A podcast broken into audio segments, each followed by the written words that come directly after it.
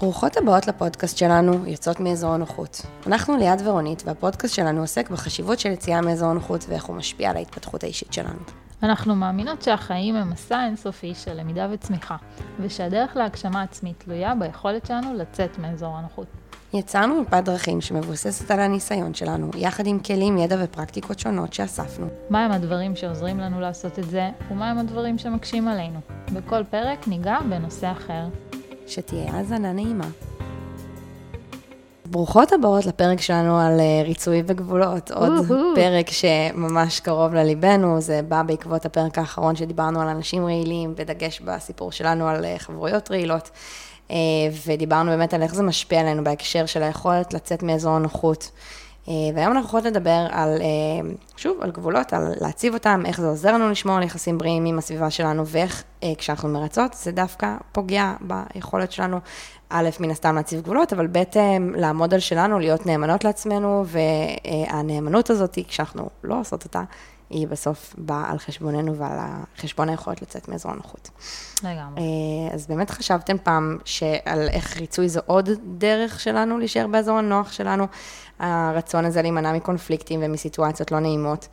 אה, אבל אם נחשוב על זה רגע, אז זה בדיוק ההפך. כי mm-hmm. אם אני עכשיו מרצה, ואני הולכת נגד הרצונות שלי והצרכים שלי והאמת שלי, אה, אז אני בעצם יוצרת איזשהו קונפליקט פנימי עם עצמי של למה אני עושה את זה, למה אני מסכימה, אני, זה מפתח אצלי אנטגוניזם כלפי הצד השני, שהוא לאו דווקא אשם, כי הוא לא יודע שאני עושה משהו שאני לא באמת רוצה לעשות. והדוגמה הקלאסית לזה זה שבאמת אנחנו...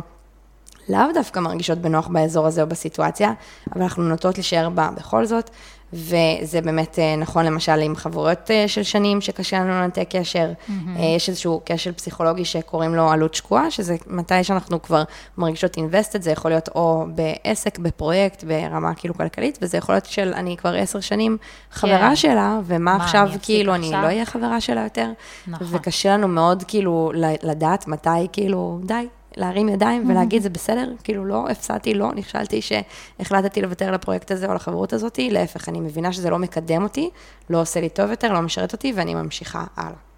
כן, ולא נשענת ב, בהיסטוריה ובעבר בשביל ל, לתת אה, רציונליזציה להמשך. בדיוק. Uh, כן, זה בכלל uh, רלוונטי בהמון דברים, העלות שקועה.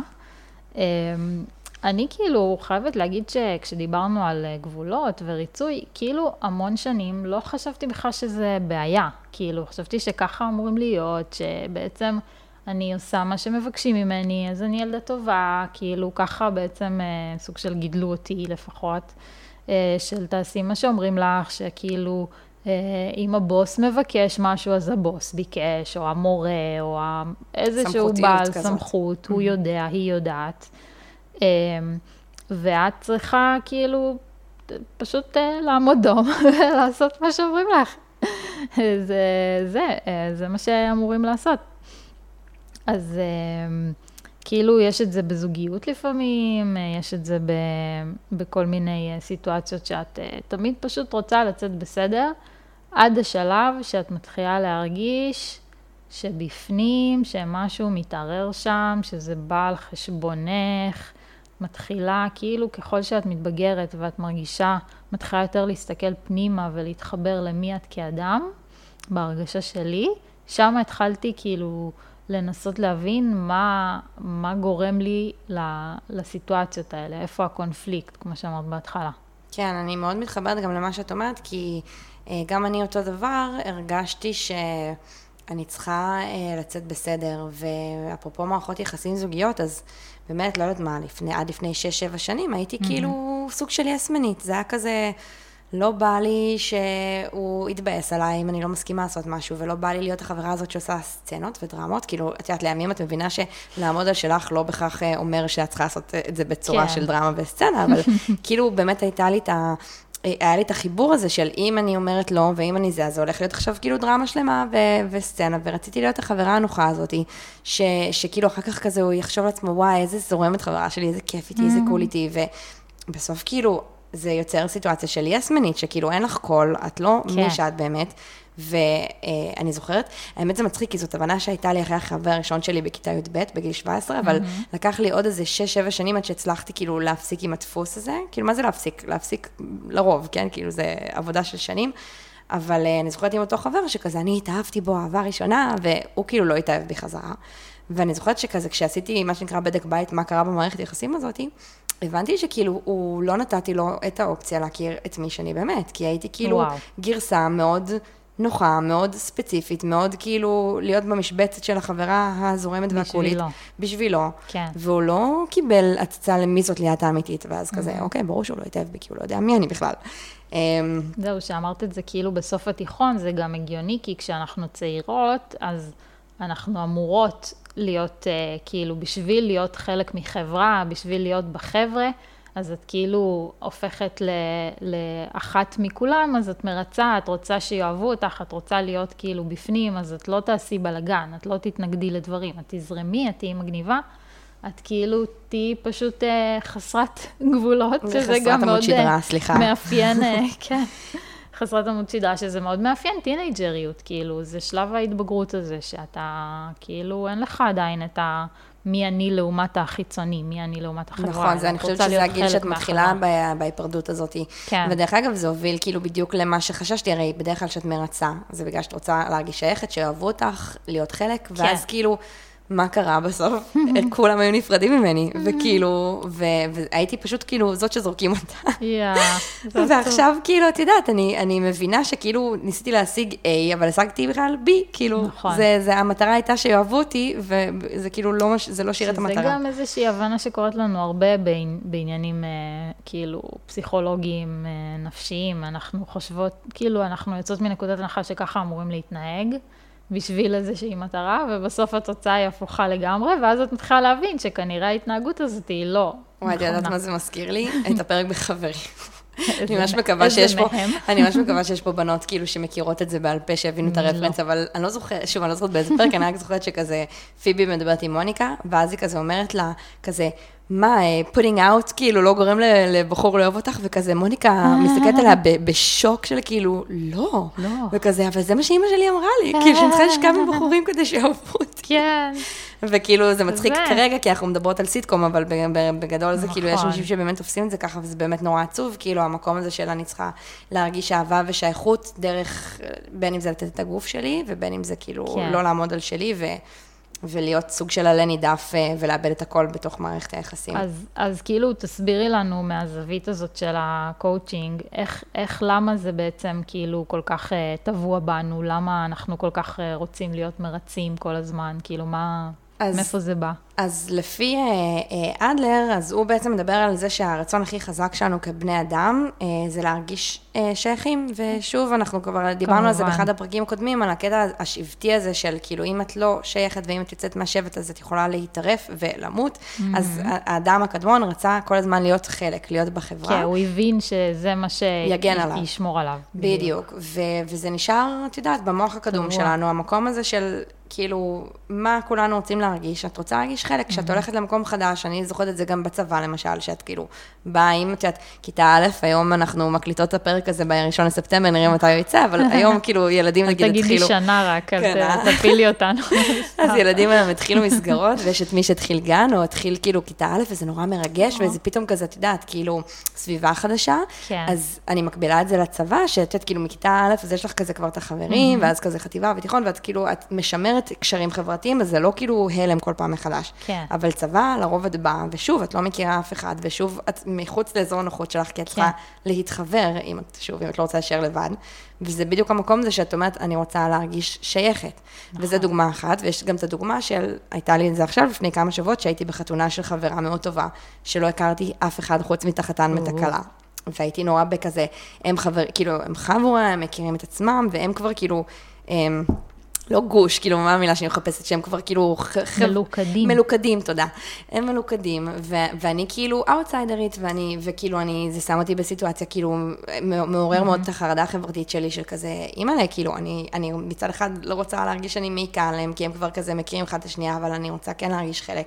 אז, אה, אז שוב, אז אדלר מסביר שבעצם הרצון שלנו כבני אדם זה להרגיש שייכים, אז אנחנו לא רוצים לאכזב ולא רוצים להכעיס. כן. ולא רוצים לבאס, כי אנחנו לא רוצים שלא נרגיש שייכים, שלא מרוצים מאיתנו, שמאוכזבים מאיתנו, שלא אוהבים אותנו. ובסוף להיות בסדר. בדיוק. עוד ו... זווית, אה, יש לי זווית טיפה, טיפה מרקסיסטית כזאתי, שהיא חצי, כאילו, אנשים לוקחים אותה לזווית הקונספירטיבית, אבל בשביל חברה מתפקדת, בשביל שאנשים יחיו אה, בקבוצה, בחברה, בלאום, במדינה, כמו שאנחנו בעולם המודרני היום, צריך שאנשים יפעלו בדרך אה, נכ... כאילו זהה יחסית, כי אי אפשר שכל אחד יעשה מה שבא לו, לא יהיה לנו חוק, לא יהיה לנו זה, אז בעצם המערכות והקיום וה... החברתי האנושי הוא בנוי בצורה כזאת שרוצים לגרום לך אה, להבין מה הגבולות, ואת צריכה לעשות מה שאומרים לך. זאת אומרת, את צריכה לרצות את המערכת, את צריכה להיות אה, חייל,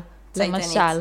צייתן, בדיוק, הצבא מבוסס על זה, הוא מבוסס על זה שאלה גבולות הגזרה שלך, זה התפקיד שלך, את צריכה לעשות א', ב', ג', ד', מה שאומרים לך, וככה הצבא יהיה חזק, ככה המדינה תתקיים. אז גם בזווית הסוציאלית יותר ופחות הנפשית אינדיבידואלית, המערכת סביבנו בנויה בצורה כזאת. עזבי שעכשיו כבר כמו עם השיח על גבולות, מדברים על זה גם ברמה האנושית יותר, ושזה כאילו מסליל אנשים, וכל התוצאות שזה יוצר גם בצורה חברתית בעייתית.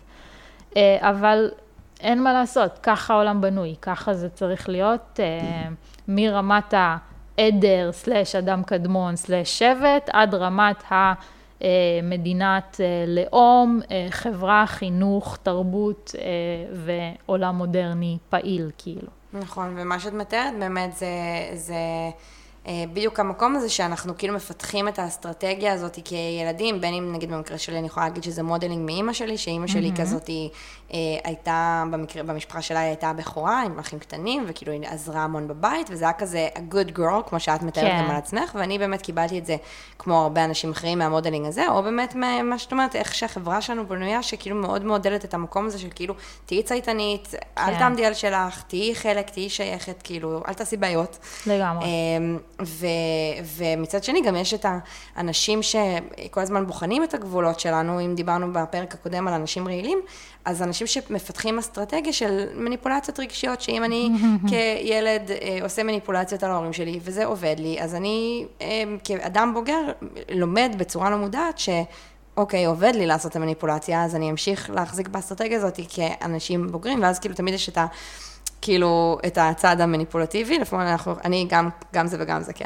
אני לא אוהבת להגיד את זה, אבל זה קצת נכון שיש לי את המניפולטיביות, ואני מניחה שלכולנו יש, כי זה משרת אותנו כן, בסיטואציות המסוימת. כן, יש שם רע, אבל הרבה מאוד אינטראקציה אנושית מבוססת על איזושהי, כאילו, מניפולציה, זאת אומרת, איזושהי דרישה מצד אחד, שהצד השני יצטרך לעשות, כאילו, ולגרום לו באמצעים של... רגשות וכאלה, כאילו, גם אם זה באהבה והורה לילד, אבל הוא סוג של, כאילו, יוצר פה בעצם מניפולציה, יש לה שם רע מאוד. כן, זה כזה אימא שכזה באה לילד שלה, למה אתה אף פעם לא נותן לי חיבוקים? זה הכי מניפולציה רגשית. זה לא חיובי, אבל, זה, אבל לא עושים ככה. כן, אבל אני אומרת, כאילו, הכוונה שלה זה, היא רוצה חיבוק, היא לא כן. באה בקטע לא, רע, אבל כאילו זה מפעיל עליו את כאילו, כן. אתה לא בסדר, למה אתה נותן לי חיבוק? והנה המקום נכון. המרצה שהוא לומד, שכאילו, אימא שלי מאוכזבת ממני, אני לא מחבק אותה, אז אני צריך לעשות מה שהיא דורשת ממני. בשביל לקבל את האהבה שלה. בדיוק. כן, לגמרי. אמ, אני כשכאילו, אחד הדברים שבדיעבד היום, בשנים האלה, אני בת 33, אז כאילו עברתי הרבה, מגיל 7 אני חולה במחלת קרון. וזו מחלה שיש בה המון אינטראקציה עם רופאים, עם בתי חולים. עכשיו, כשגדלתי, רופאים היו אלוהים, אוקיי? כי כאילו, זה הרפואה, הוא יודע, הוא למד, אה, אנחנו חסרי אונים, את פה סובלת ומתקפלת מכאבי בטן, ואנחנו כאילו לא יודעים מה לעשות, אז חייב, חייב לשמוע על הרופא. חייב, חייב אה, לעשות מה שאומרים לך, כאילו, במערכת הרפואית.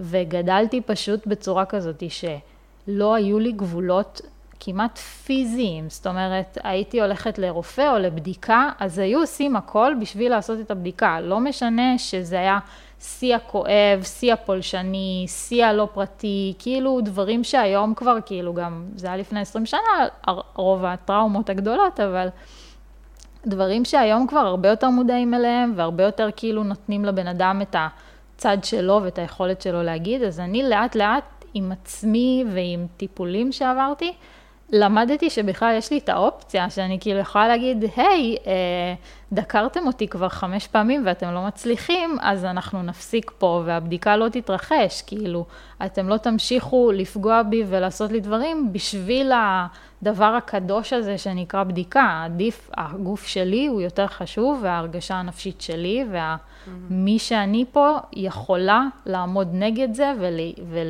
וכאילו להגיד לא.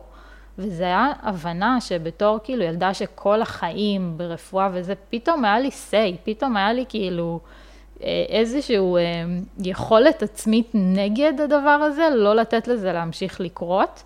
ואני מרגישה שחלק מה, בכלל היציאה שלי מה, מהמצב הבריאותי המאוד קשה היה בזכות זה, בזכות זה שהתחלתי כאילו יותר לסמוך על עצמי, לעומת האחרים, הבנתי מה הגבול שלי, מתי אני מוכנה שיעשו לי דברים, כי הם לטובתי, מתי הם לא מספיק לטובתי, אלא ככה המערכת בנויה, או אנשים שם כאילו כבר לא, לא מסוגלים להתמודד עם הסיטואציות. ו, וזה כאילו אחד הדוגמאות האלה לפלישה לגבול ואיך נבנה גבול, וזה נגיד אה, איזשהו גבול פיזי שלי, או mm-hmm. נפשי גם. אז, אמ, אז איך אנחנו כאילו, השאלה הכי קשה, הכי גדולה, הרי אנחנו גודלים וזה, אנחנו לא יודעים מה זה בכלל גבול, איפה הגבול שלנו, איזה גבולות בכלל יש, הרי יש כמה סוגים, נכון? אז כאילו, אני אמרתי פיזי, כמו הגוף שלי, נגיד לילדים קטנים מלמדים אותם המון, אה, זה הגוף שלי, אסור לך לגעת, אסור נכון. לך, כאילו זה צריך מאוד מאוד אה, לחזק את ההבנה שלהם בזכותם על גופם. נכון.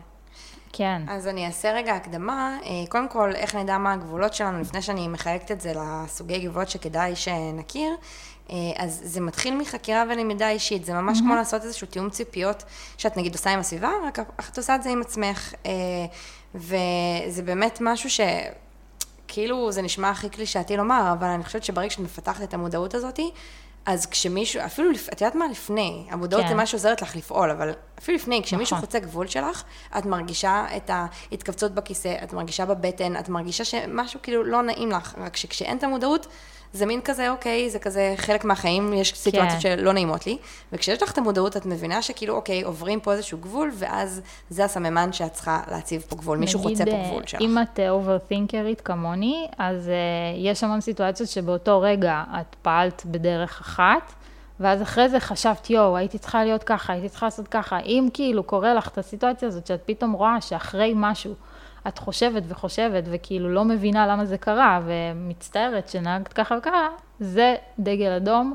שהיית צריכה להציב גבול. כנראה שפה היה איזה גבול ש... שנחצה, נפרץ, כן. נכון. אה, אז אה, אני באמת אה, אסביר ש... יש חמישה אה, סוגים של אה, גבולות, שבאמת כדאי שכל אחד נכיר, אז mm-hmm. יש את הגבולות הפיזיים, שזה באמת דומה למה שעכשיו את אה, דיברת, שזה מתייחס לגבולות שלנו סביב המרחב האישי שלנו, הגוף שלנו, הצרכים הפיזיים שלנו. הם יכולים להיות סביב כמה קרוב אני מאפשרת לאנשים להיות לידי, או איזה סוג מגע בסדר מבחינתי, או איך אני מרשה לאנשים להתנהג במרחב האישי שלי. אה, יש גבולות רגשיים, ששוב, גם זה אה, קשור לדוגמה שנתת, מתייחס לרגשות והאנרגיה שלי. אה, הם עוזרים לי לבדל את הרגשות שלי מאנשים אחרים, לתקשר כן. כשאין לי אנרגיה מנטלית לשיחה. לתאר סוג תקשורת שאני צריכה כדי להרגיש בטוחה רגשית. זה יכול להיות באמת בהקשר הזה של, אני עכשיו בא לי פשוט לפרוק משהו לחברה, ולא בא לי שהיא תיתן את דעתה, כי דעתה כרגע היא לא רלוונטית והיא עושה לי רע. כן. אז אני יכולה לבוא ולתקשר, תקשיבי, ממש בא לי רק כרגע לפרוק. רק שכאילו תהיי פה לידי ותקשיבי לי, זה, זה מה שאני צריכה של כרגע. מודעות. של מודעות ותקשורת, אבל, כן. אה, אבל, אה, אבל עובדים על זה. זה בריא, זה כן, הכי בריא שיש. כן, זה כמו תקשורת מקרבת. בדיוק. אמ, יש גבולות אינטלקטואליים שמתייחסים לגבולות שלי סביב המחשבות והרעיונות שלי, זה יכול להתייחס לאיך אני מתקשרת את המחשבות שלי, הכבוד שאני מצפה לו כשמישהו לא מסכים עם הרעיון שלי או עם מה שאני אומרת וחושבת, גבול סביב מתי ועם מי אני מדברת על נושא מסוים, אני יכולה לבוא ולהגיד שמתאים לדבר איתך על אה, הבן זוג שלי שנפרד ממני ועם מישהו אחר, שלא יודעת נכון. מה, עצר אותי בכל, יודעת מה, יותר נכון, קח את זה להיריון, שכאילו אנשים, במיוחד בישראל, כל אחד זה כזה, מה קורה איתך, מה קורה איתך, אולי עם חברה אחת אני אבוא ואגיד, אנחנו מנסים ולא מצליחים. ולמישהו זר ברחוב, כאילו, ממש לא עניינו ולא בא לדבר על זה, וכאילו, זה כן, הגבול או של ה... הדודה הפולשנית הזאתי. בדיוק. אה, יש גבולות חומריים שמתייחסים לחפצים האישיים שלי, שזה כולל כספים, זה כולל את העובדה הזאת שזכותי להוציא כסף איך שאני בוחרת, ולבחור אם ומתי אני מלווה. לאנשים כספים וחפצים אה, שלי. ואגב, בואי תיקחי, בואי אני חייבת לספר את הסיפור הזה, שנייה עצירה. אם דיברנו פרק קודם על חברות ואנשים רעילים, וסיפרתי על החברה הזאת שלי, אז אני זוכרת שהיא היא הייתה מאמנת כושר, והיא באה לעשות לי אימון בבית, כי העסקתי אותה כמאמנת הכושר שלי, ובאיזשהו שלב החלטתי ש, שדי, זה כאילו כבד לי בכיס, זה יקר לי מדי, ו, אמ, ו, וכאילו רציתי להגיד לה שאני מפסיקה, שבוא נדבר על זה שזה פחד אלוהים גם להגיד לה דבר כזה היה. או-הו. אבל אה, היה לי בדיוק זר פרחים כזה על השולחן במטבח שקניתי באותו שבוע, ואז היא כזה מסתכלת על הזר, והיא אומרת לי כזה, אם תפסיקי לקנות פרחים, אז כאילו יהיה לך כסף לאימון, או משהו. כזה. ואני הייתי כאילו, מה את נכנסת לי לכיס, היא חתיכת חוצפנית. אני אקנה גם מיליון זרים, ואני לא כן, אשלם לך את הכסף על האימון אם לא? בא לי. זה היה כזה, אז זה בדיוק העניין הזה של אפרופו, הנה גבול שנחצה, שהיא בכלל העיזה כן. לומר את הדבר הזה, זה גבול חומרי, אני לא חייבת, אני מבזבז את הכסף שלי איך שבא לי, וזה לא עניינך, ואני לא צריכה לתת לך דין בחשבון. אה, אז זה גבולות חומריים. יש אה, גבולות של זמן שמתייחסים לסדר העדיפויות שלי ולהתחייבויות שלי, הם יכולים לעזור להגן על הזמן שלי, הם יכולים לעזור לי לא להסכים לדברים שאני לא רוצה לעשות, אה, ולהבטיח לי שבעצם יהיה לי מספיק זמן לעשות דברים שהם בראש סדר העדיפויות שלי, ושוב, אם ניתן דוגמה, זה יכול להיות פרויקט שאני רוצה לעבוד עליו, ואז בדיוק חברה שלי תתקשר ותגיד לי, אני עוברת דירה, יש מצב שאת באה לעזור לי, גם עם כל הרצון הטוב שלי, שנורא בא לי לעזור לה, אבל אם כרגע סדר העדיפויות שלי זה, אני חייבת עד יום ראשון לסיים את הפרויקט הזה, אז סורי, אין לי זמן, זה הגבול שלי, אני חייבת כרגע להתמקד כן. בסדר העדיפויות שלי, שזה הפרויקט, ולא, לצערי, לבוא לעזור לך. אז לי היה המון את הסיטואציה הזאת, את מכירה את זה שאת כאילו, את אומרת, טוב, היום אני עובדת על, אה, לא יודעת, פרויקט שלי, בלה בלה בלה, ואז חברה כזה מתקשרת, יא, בא לך לצאת לאכול, בא לך לקפוץ וזה, וכאילו, בא לך לצאת עם מפתה. החברה, ואת גם קצת מרצה, אז קשה לך להגיד לא, אבל גם נורא חשוב לך להתקדם עם הדבר שלך. ו- ו- ונוצר פה קונפליקט. אז אחד הדברים, נגיד, של גבולות כאלה, זה להיות uh, במודעות לעצמך, מה המטרות שלך בחיים, נגיד, או מה חשוב לך, איזה... לכל אחד גם, עם הנושא שעשינו על, אה, על, אה, על סדר ואנרגיות, וכאילו כל, ה, כל הזווית הזאת של בסוף יש לנו זמן מוגבל ביום-יום, ו, ואנחנו רוצות uh, להשקיע בדברים שיקדמו אותנו, כמובן לא על חשבון חברויות, אבל גם כל אחד והסדרי עדיפויות שלו, אז כאילו להיות מודעת לסדרי עדיפויות האלה, להגיד uh, מתי כן uh, חברה באה על חשבון עבודה למשל, ומתי לא, מתי עבודה באה על חשבון חברה או, או זוגיות, וואטאבר, עוזר לך כאילו לנהל את הדבר הזה של, ה, נכון. של הגבולות האלה, כאילו, זה לא ברמה האישית, זה ברמה כאילו העקרונית שלך כבן אדם, כאילו, מה, איך את ביום-יום ומה, לאן את הולכת. אני חושבת גם שחשוב לציין שגבול, אה, בואו נדבר על זה רגע, זה קודם כל משהו שאני מציבה מול עצמי. נכון. כאילו, אני מחליטה שכרגע יש לי גבול של, יש לי פרויקט שאני שמתי לעצמי דדליין שעד יום ראשון אני מסיימת, אז אם חברה שלי שואלת אותי אם בא לי לבוא לשבת איתה לקפה, אז הגבול זה, אני צריכה לסיים עד יום ראשון, אני סופ״ש הזה סתם, לא נפגשת עם חברות. כן. אז קודם כל שמתי את הגבול עם עצמי. אני יושבת הסופ״ש על הפרויקט, אחר כך אני, אני אה, מש- משקפת אותו כלפיה של, sorry, אני לא יכולה, יש לי פרויקט חשוב שאני חייבת לסיים עד יום ראשון. אה, וזה נכון אה, לכל כך הרבה דברים. יש לי גם עוד דוגמה שהייתה לי מתאמנת, שכאילו היה לה איזשהו גבול שהיא היא חתכה איזשהו קשר עם מישהו, ואמרה לו, כאילו, אני לא מעוניינת. והוא המשיך לשלוח לה הודעות. ואז. ואז הוא, היא כל פעם ענתה לו. ואז כאילו, אני זוכרת שכזה, אמרה לי, תקשיבי, כאילו, אני לא יודעת מה לעשות, כי הוא כל הזמן ממשיך לשלוח לי הודעות, אז אמרתי, תשמעי, אבל כאילו, אם הגבול שלך זה, חתכנו את זה, אני לא מעוניינת בקשר, וכשהוא שולח הודעה, את ממשיכה לענות, אז את לא מכבדת את הגבול שהצבת מולו, בעצם מול עצמך קודם כל, ואז ברור שהוא לא יכבד את הגבול שלך.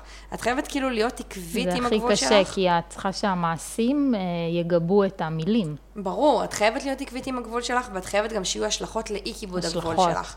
ו- וכשאת אומרת מעשים יגבו את המילים, זה גם, זה גם כל כך מדויק, כי זה כמו שאומרים, כאילו, נגיד, בהדרכות הורים וכזה, אומרים, אל תאיימי על הילד שתקחי לו כאילו את האייפד לשבוע, אם את יודעת לא שברגע האמת את את זה. לא תעשי את זה. כאילו, זה, כן. כאילו, ת- תאיימי על דברים שאת מתכוונת ליישם ולממש. אם את לא נכון, תעשי את זה, אל תאיימי, כי... הכוח. בדיוק, כי אחר כך הוא יגיד, אוקיי, מה, היא מעלה, אני יודע שהיא לא תעשה את זה, כן. ואז הוא לא סופר אותך. דורות שלמים של ילדים אה, אין, אה, לא מאמינים למילה שההורים שלהם בדיוק. אומרים בגלל איומי סרק בדיוק, כאלה. זה, אגב, זה הדור שלנו, כן, הדור שלנו לגמרי. פחד מההורים שלו רצח. כאילו, זה נכון. הדור שלנו ש, שלא אה, ושהבא לוקח בתור ברצינות. עוד יותר גרוע. נכון, אבל, אבל זה בדיוק המקום הזה של כאילו להציב גבול ו, ולעמוד מאחוריו ולזכור שקודם כל זה גבול מול עצמנו וגבולות מול עצמנו יכולים להיות דברים כן. כמו אה, אני עד 11 בלילה הולכת לישון, אני אה, לפני השינה לא מתעסקת אה, ב... לא יודעת מה, מסכים ודברים כאלה, זה יכול להיות אני קמה בשבע בבוקר כדי להספיק להתאמן לפני שהלכת לעבודה, זה כל מיני גבולות שאנחנו מציבים מול עצמנו וזה לא פחות חשוב אגב בפרק כזה לדבר על, על הגבולות שלנו, כן. שאנחנו מחליטות, זה מן הסתם אחרי זה מושלך החוצה. זה הבסיס כדי, כאילו, שלב ראשון עם עצמך, שלב שני עם הסביבה, בדיוק, לגמרי. בדיוק. ויש כאילו הרגשה כזאת ש... שדווקא את אה, תציבי גבול ויהיה פה ריב וזה ייצור קונפליקט ו... ואת כאילו מסבירה לי שההפך הוא הנכון. נכון, כי גבולות ברורים שאין עליהם שאלה, שכאילו אני מבינה מה את רוצה ממני ומה את מצפה ממני, אז בסוף זה מפחית את העימות, והרבה אנשים לא מציבים את הגבולות, באמת, כמו שאת אומרת, דווקא מהחשש כן. הזה לעימות. אה, ואם האדם שמולי מכיר את הגבול שלי, אז הוא ידע בוודאות מתי הוא חוצה אותו, ואז לרוב הידיעה הזאת לבדה מספיקה כדי למנוע את החציית גבולים. אני אומרת לך סתם, אני כל הזמן נותנת את הדוגמאות האלה של אל תשאלי אותי על האקס שלי, ודיברנו על זה כבר, ואת יודעת, ואני, שוב, בן, את בן אדם לא, כאילו, את בן אדם שכן יודע לכבד גבולות, ושוב, זה כבר נושא אחר, שיש אנשים שלא כן. מכבדים, אבל אם אתם אה, מתמודדים עם אנשים שכן יודעים לכבד גבול, ובמרכאות הבעיה של החוסר כיבוד גבולות זה נטו כי לא תקשרתם להם אותם, זהו. אז אם אני אומרת לך, אל תשאלי אותי על האקס שלי, סביר להניח שאת לא תשאלי, ואז בכלל לא יהיה פה כאילו חציית גבול, ולא יהיה קונפליקט, ולא יהיה דרמה, ולא יהיה סיטואציה לא נעימה. כי זה כאילו ה safe zone, שכשאני נפגשת איתך, אני יודעת שאין סיכוי שתעלי אותו, והכל טוב. אז זה הזווית, המילה הלכבד גבולות היא המילה החשובה פה, כי once הצבת גבול, זה מאפשר לאדם השני לכבד אותך נכון. בזה שהוא מקבל את הגבול שהצבת. לרוב, דווקא לנו אין את האינסטינקט הזה, אבל זה גורם להרבה יותר כבוד כלפי אנשים. ברור. כאילו, ברגע שזה ברור מה כן ומה לא, ומה אני מקבלת ומה אני לא מקבלת. ונכון, ולכן צריך לשבור את הפרדיגמה הזאת על זה שכאילו אה, אה, לא נעים לי להגיד ככה וככה, כי אולי זה יוביל לריב או לעימות, וכאילו להבין שזה להפך, זה משפר את היחסים שלנו, זה משפר את התקשורת, זה משפר כן. את הביטחון האישי שלנו להיות בסיטואציה שאני יודעת שאני בן אדם שהולך לכבד את הגבול שלי. ו... ובעצם כשאדם לא יודע מה הגבולות שלי, כי לא מספיק אה, תקשרתי אותם בצורה ברורה, אולי מאותו באמת חשש שאני אתפס לא נחמדה, שלא נעים לי, אז כן. הוא כנראה יחצה אותם גם באמת אם הוא בן אדם טוב ואין לו כוונה כזאת, הוא פשוט לא יודע. נכון. וזה מתי שהוא יציף את הקונפליקט הזה, ואם זה לא יטופל, זה יהפוך לעימות. אמ, וכמו שאמרתי מקודם, אם גבול נחצה כל פעם, צריך שיהיה לו השלכות, אחרת הוא ימשיך להיחצות. אם אני כל פעם אומרת לך, אל תשאלי אותי, וכל פעם אני נותנת לך לחצות את הגבול הזה, אז אתם כנראה תמשיכי לעשות את זה. ואם, השלכות. בדיוק, ואם אני, פעם, לא יודעת מה, פעם הבאה שתעלי אותו, אחרי שלוש פעמים שביקשתי ממך לא לעשות את זה, אני אגיד לך, שומעת, אני הולכת, כי אני לא רוצה לדבר עליו. יכול להיות שאת תגידי, וואו, כאילו, אוקיי, כן, she means business, הבנתי. כאילו, הבנתי, ואת לא תעשי את זה יותר, וכמו שאמרנו, כן. זה חייב להיות עקבי וברור, כאילו, אי אפשר פעם אני נותנת לך לדבר עליו, פעם לא נותנת לך לדבר עליו. נכון. פעם נתתי לך את האייפד, פעם לא נתתי לך את האייפד. אם אמרתי אין אייפד שבוע, אין אייפד שבוע. כאילו, תעמדו מאחורי המילים שלכם. כן, אז גבולות קשים ולא, וכאילו גבולות רכים, אז הם כבר לא ממש גבול, תכל'ס. לא, זה יכול להיות, שמי, כאילו גם קראתי ספר מעולה בנושא גבולות, והיא דיברה על כאילו the green boundary, yellow boundary ו-red boundary, שזה מגניב. כאילו כמו רמזור כזה. ואומרת, כאילו, הגרין זה, זה כאילו לבוא ולהגיד כזה בצורה נעימה, תקשיבי, אני מעדיפה שלא לדבר עליו, ואז נגיד אני מחליפה נושא. והצהוב זה כזה, אני לא זוכרת, כאילו, זה היה איזה משהו כזה ביניים, ואז נגיד האדום זה כאילו, את, די, את כבר ממש כאילו לא מכבדת את הגבול, אני קמה והולכת. כאילו, היא כן. נתנה ממש רמות שכאילו, רמזור. את, את, בדיוק, את כאילו, את מציבה את הגבול. מההתחלה, בצורה הנעימה, את כאילו מזמינה, כשאת אומרת מה הגבול שלך, את מזמינה בן אדם לכבד את הבקשה שלך, של, כמו הדוגמה, כן. לא לדבר על האקס. אבל את מצפה שהוא יקיים את זה, ואז כאילו אם הוא לא מקיים את זה, אז את יכולה בפעם השנייה להיות קצת יותר תקיפה, ויותר כאילו לא מדברים על זה, ביקשתי שלא, טה-טה-טה-טה, ובפעם השלישית זה, אוקיי, אני קמתי והלכתי, לצורך כן. העניין זאת ההשלכה של חשוב. לא כיבדת את הגבול שלי. נכון. אצלי זה ממש כאילו, העניין עם הגבולות הוא גם מאוד מאוד מתפרץ כעצמאית עם לקוחות, כי אנשים כאילו, אם את לא מציבה גבולות בהתחלה, את לא מסבירה מה, מתי כן אפשר לתקשר איתך, מה הדרישות הן כל יום, מה עושים, אז לאנשים נורא קל פשוט כאילו לעשות מה שבא להם, כי הם דואגים לעצמם, כמו שאמרנו בפרק הקודם. הם לא נגדי, אבל ה... הגבולות שלי יכולים להיות שונים מהם. יש את אה, רונית כפיר, שהיא כזאת מין אה, מדריכת אה, גבולות עצ... לעצמאיות, לעצמאים, אה, ה-say שלה זה כזה מלא נעים לי לנעים מאוד, אז היא מאוד מאוד מסבירה איך דווקא לעשות את הדבר הזה בצורה נעימה, כאילו זה לא חייב להיות קונפליקט, זה לא חייב להיות מאיים, יש דווקא אפילו, בגלל כל ההיסטוריה שאמרנו, שאנשים אוהבים ללכת בעצם בתלם, והם אוהבים שיש להם גבולות, כי הם יודעים כאילו במה העניין עוסק. את מרגישה בטוחה, שאת יודעת מה הגבולות גזרה שלך. בדיוק, יש ביטחון בגבול, כמו שילדים קטנים צריכים כאילו את הצבת גבולות הזאת, דווקא כדי לחיות ולהתבגר ולהפוך למאוד... Uh, אה, חזקים ופתוחים. ואפרופו, ו... למה הורה כן. מציב גבול? כי הוא אוהב את הילד שלו, כי הוא בדיוק. דואג לו, זה מתוך אהבה, גבולות זה משהו שאנחנו צריכות לתפוס, שוב, לשבור את המקום הזה, שזה לא טוב. שזה חשוב וזה טוב. בדיוק. אז, אה, אז בעבודה, דווקא כאילו, אה, כשאני נגיד הייתי לוקחת ספקיות, או כאילו באה לעבוד עם עוד אנשים, והם היו אומרים לי, תקשיבי, אנחנו, הזמינות שלי זה מ-9 עד 4, בארבע אני עם הילדים שלי, אני לא זמינה עד שמונה, בשמונה אני חוזרת לשעה וסיימנו. וההערכה שלי כלפי הבן אדם הזה הרבה יותר גבוהה, כי אני יודעת מתי אני יכולה להיות בקשר, מתי אני בסדר, כאילו מתי זה לגיטימי לחלוטין, אבל גם יש לי את מתי לא. לעומת אנשים אחרים שנגיד אין להם את ההגדרה הזאת, שאני רק יצאתי להיות עצמאית ועבדתי עם לקוחות, הרגשתי כזה יואו יואו, אני חייבת שהם כאילו יהיו מרוצים כל הזמן וזה, אז לא, לא הצבתי להם גבולות. והם היו מתקשרים אליי ב-10 בלילה, והיו שולחים לי הודעות ב-5 בבוקר, ו- והייתי כאילו לבד עם עצמי, מתבאסת עליהם ומתעצבנת וזה, אבל הם לא ידעו, כאילו, לא הצבתי להם את הגבול הזה. ו- וזה בדיוק הקונפליקט שאת אומרת עם עצמך. שמה התחלתי להבין שזה מפריע לי. יש אנשים, נגיד, שזה לא מפריע להם, אבל כל אחד ומה שמפריע לו. ובעסקים, על אחת כמה וכמה, זה כאילו יוצר מערכת יחסים מכבדת, ברורה, שאין בה את הקונפליקטים הזה מ"אני ציפיתי לאלף" וקיבלתי ג' כי לא ביטאתי את, ה, את הציפייה שלי, או את המטרות שלי, או את הגבולות שלי, או את הרצונות שלי.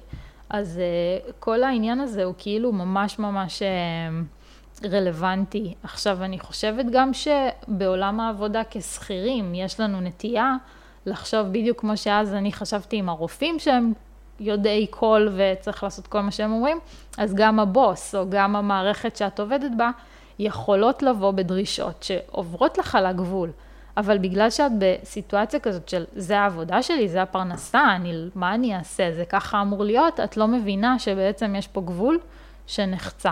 ושיש לך מה לעשות עם זה. ובדיוק, ובכלל בימינו כבר לגמרי לגיטימי לדעת שאפשר להציב את הגבול.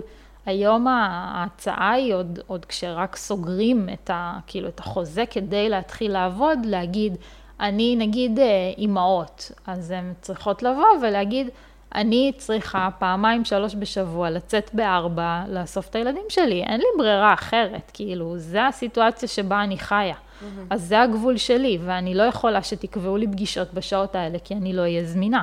וחברה טובה ו... ו... חיובית. כן, אנושית, שמבינה אנושית, כאילו... תקבל כן. את זה. רוב המקומות מקבלים את זה, אבל אנחנו על ימין ועל שמאל שומעים, בדיוק כמו בזוגיות רעילה, אנחנו שומעים על חברות רעילות, על, על uh, עסקים רעילים, שזה מקום, עכשיו נגיד, אחרי הקורונה, היה את כל ההתפטרות הגדולה הזאת, ה-Great Resignation. זה פשוט אנשים הבינו שמנצלים להם את התחת, שלא נותנים להם שום כאילו מקום להיות מי שהם ולחיות את החיים שבאמת מגיע להם, כי עבודה בסוף זה עבודה. אנחנו צריכים לזכור את זה. ו- ולא הסכימו לקבל יותר את הבולשיט הזה של כאילו, תענה בכל שעות היממה, או תעשה כאילו דברים מעבר לדרישות התפקיד שלך, או לא תקבל תגמול מספיק על העבודה הקשה שלך, ו... ושמה עוד אה, מקום שמאוד מאוד חשוב כאילו להיות במודעות לנטייה לרצות ולגבולות האישיים שלנו. אני, האמת, וואי, כאילו ברח לי כזה, נורא הסתקרנתי למה שאת אומרת, ואמרת מקודם משהו שנתת דוגמה על עצמך, ורציתי אה, לחדד את המקום הזה. את, אה, את דיברת על, אה, אה, כעצמאית על המקום הזה שאת צריכה להציב גבולות. כן. ואני לא זוכרת מה רציתי להגיד, יופי. ובאסה, כי זה היה נורא כאילו רלוונטי וחשוב. זה גם גבולות לעצמי, אגב, כאילו, זה לא רק כלפי חוץ ללקוחות שלי, שזה, השלב שהתחלתי להציב גבולות היה מדהים, כאילו, והיום הם בכלל, הגבולות כבר בחוזה, כאילו, זה, זה סעיף בחוזה, אם אתם עוברים עליו, אתם כאילו שוברים את החוזה שלנו, אז זה הופך את זה להרבה יותר אה, חזק ו, וכאילו אמיתי כזה, לא יודעת איך להסביר את זה, אבל אה, כן, גם לגיטימי לא להיות זמינה ודברים כאלה, כי הגבול, חוץ מבעבודה, ברמה האישית שלי, הגבול שלי הוא שאני צריכה חיים אישיים, שאני צריכה פנאי, שאני צריכה זמן, נגיד אצלי, לדאוג לבריאות שלי. אז אני חייבת שהעסק שלי, העבודה היומיומית שלי, תאפשר לי את זה, ושזה לא יבוא זה על חשבון זה, כי אז נחצו הגבולות האישיים שלי גם. נכון. אז כן. אני לא נזכרתי, וזה יקרה בסוף הפרק שאני אגיד, יואו, שיט, איך לא הכנסנו את זה לפרק, אבל לא נורא, מקסימום אנחנו נכתוב את זה בתיאור. כן. אז אה, איך מתאמנים בכלל על, אה, על הצבת גבולות? זה אז, ממש אימון. כן, אז הטיפ הראשון אה, זה באמת לצאת מהאוטומט ולמשוך זמן. אם האוטומט שלי זה להיות יסמנית ולהגיד ישר כן על כל דבר. אז גם אם תכננתי להגיד כן, גם אם באמת אין לי בעיה להסכים, לא מתוך מקום מרצה, אלא כי באמת אין לי בעיה להסכים, בואו שנייה נעבוד על כאילו לא להסכים ישר. לחשוב כן. רגע עם עצמנו, האם אני מסכימה כי אני רוצה, או האם אני מסכימה כי לא נעים לי ואני רוצה אז אה, לרצות. חכי, אני אחזור אלייך עם התשובה. בדיוק, זה כזה, שנייה, אני צריכה לבדוק אם אני יכולה, או אני האמת לא סגורה על זה, אני בודקת, אני חוזרת אלייך, ואל כן. תענו ישר, תמשכו רגע זמן. בזה יש איזה משפט כזה של, אה, טוב, אני ראיתי את זה בטיקטוק כמובן, אבל זה עוד אה, זה. בהתחלה בעבודה על גבולות זה, If it's not a hell yes, it's a hell no. כאילו האינסטינקט הראשוני ששואלים אותך משהו, שאת שואלת את עצמך, בא לי לעשות ככה, אם התשובה שלך היא לא, כן, ממש, אז כנראה שזה לא.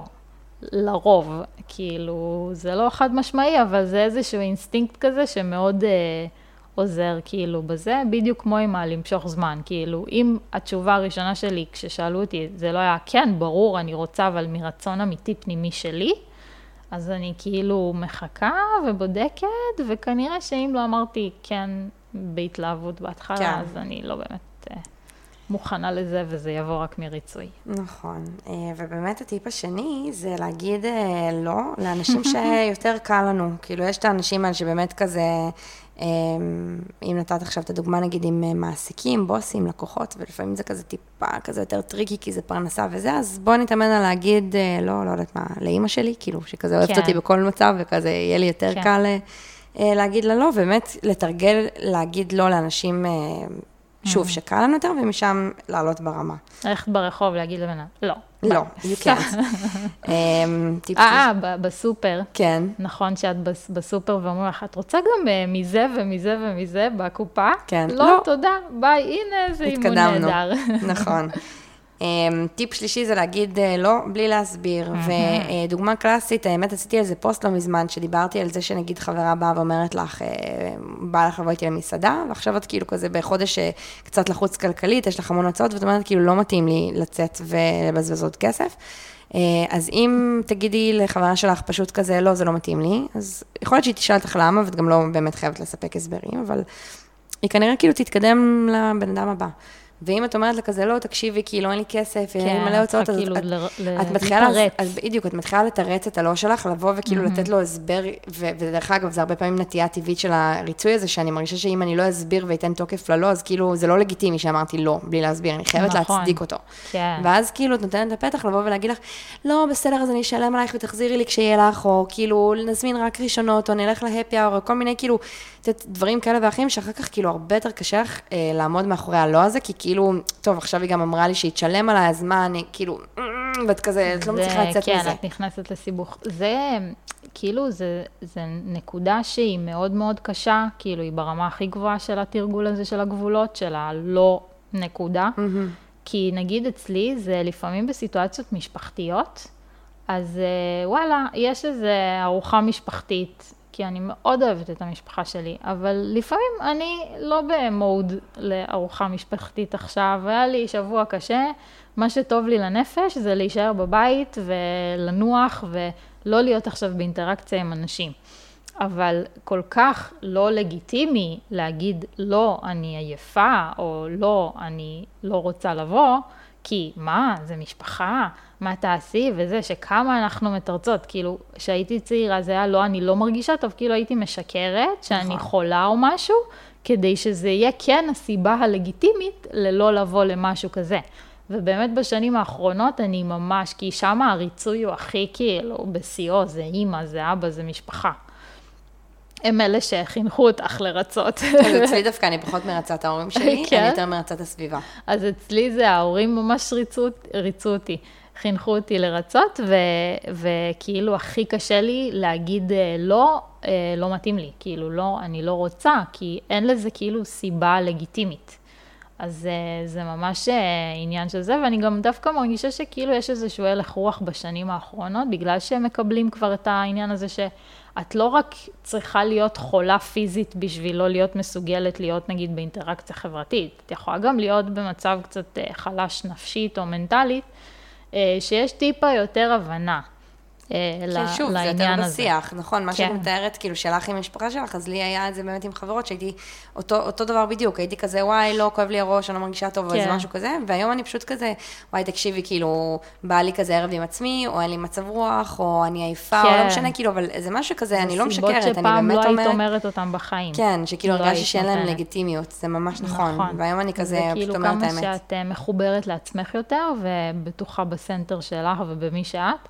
אז את מרגישה ביטחון כאילו לתת את זה כ, כ, כסיבה בעצם, כי זאת הסיבה, ולא איזה שקר כזה שיגרום לי לא לעשות את זה. נכון, עכשיו שימו לב שאם אתן, אה, כאילו יש לכם את האנשים שאתם אומרות, אוקיי, אני, אני, אני עושה את זה באוטומט, אני עדיין אומרת שאני חולה כי כזה, אני מנסה להימנע מקונפליקט, אבל אם אתן כנות עם עצמכם, אתן יודעות שאותו בן אדם שתגידו לו את האמת, הוא יקבל אותה, מדהים. אם יש לכם את האנשים האלה בחיים שאתם אומרות, אני עדיין מרגישה שאני צריכה לשקר, למרות שאני כבר לא במקום שבא לי לשקר, אבל אני כן... תעברו לפרק הקודם שלנו. בדיוק, תחזרו לפרק הקודם, שזה בדיוק המקום הזה, שזה אנשים שכאילו הם רעילים, כי הם לא מקבלים אתכם בכל מצב, כי יש התניה, נקרא לזה, לקבלה שלכן, כן. לאהבה שלכן, ו- וזה לא מקום שהן רוצות להיות בו. כי אתן לא נאמנות הם דואגים. לעצמכם, אתן לא אותנטיות, כאילו, אתן עושות דברים, ובעצם ומש... צריכות להגיע למצב שאתן משקרות, כדי שאותו בן אדם, כאילו, נכון. כאילו, יחליק את זה ולא יהיה פה עכשיו אה, איזושהי... כל זה מפריע לך, עם אותנטיים וטובים.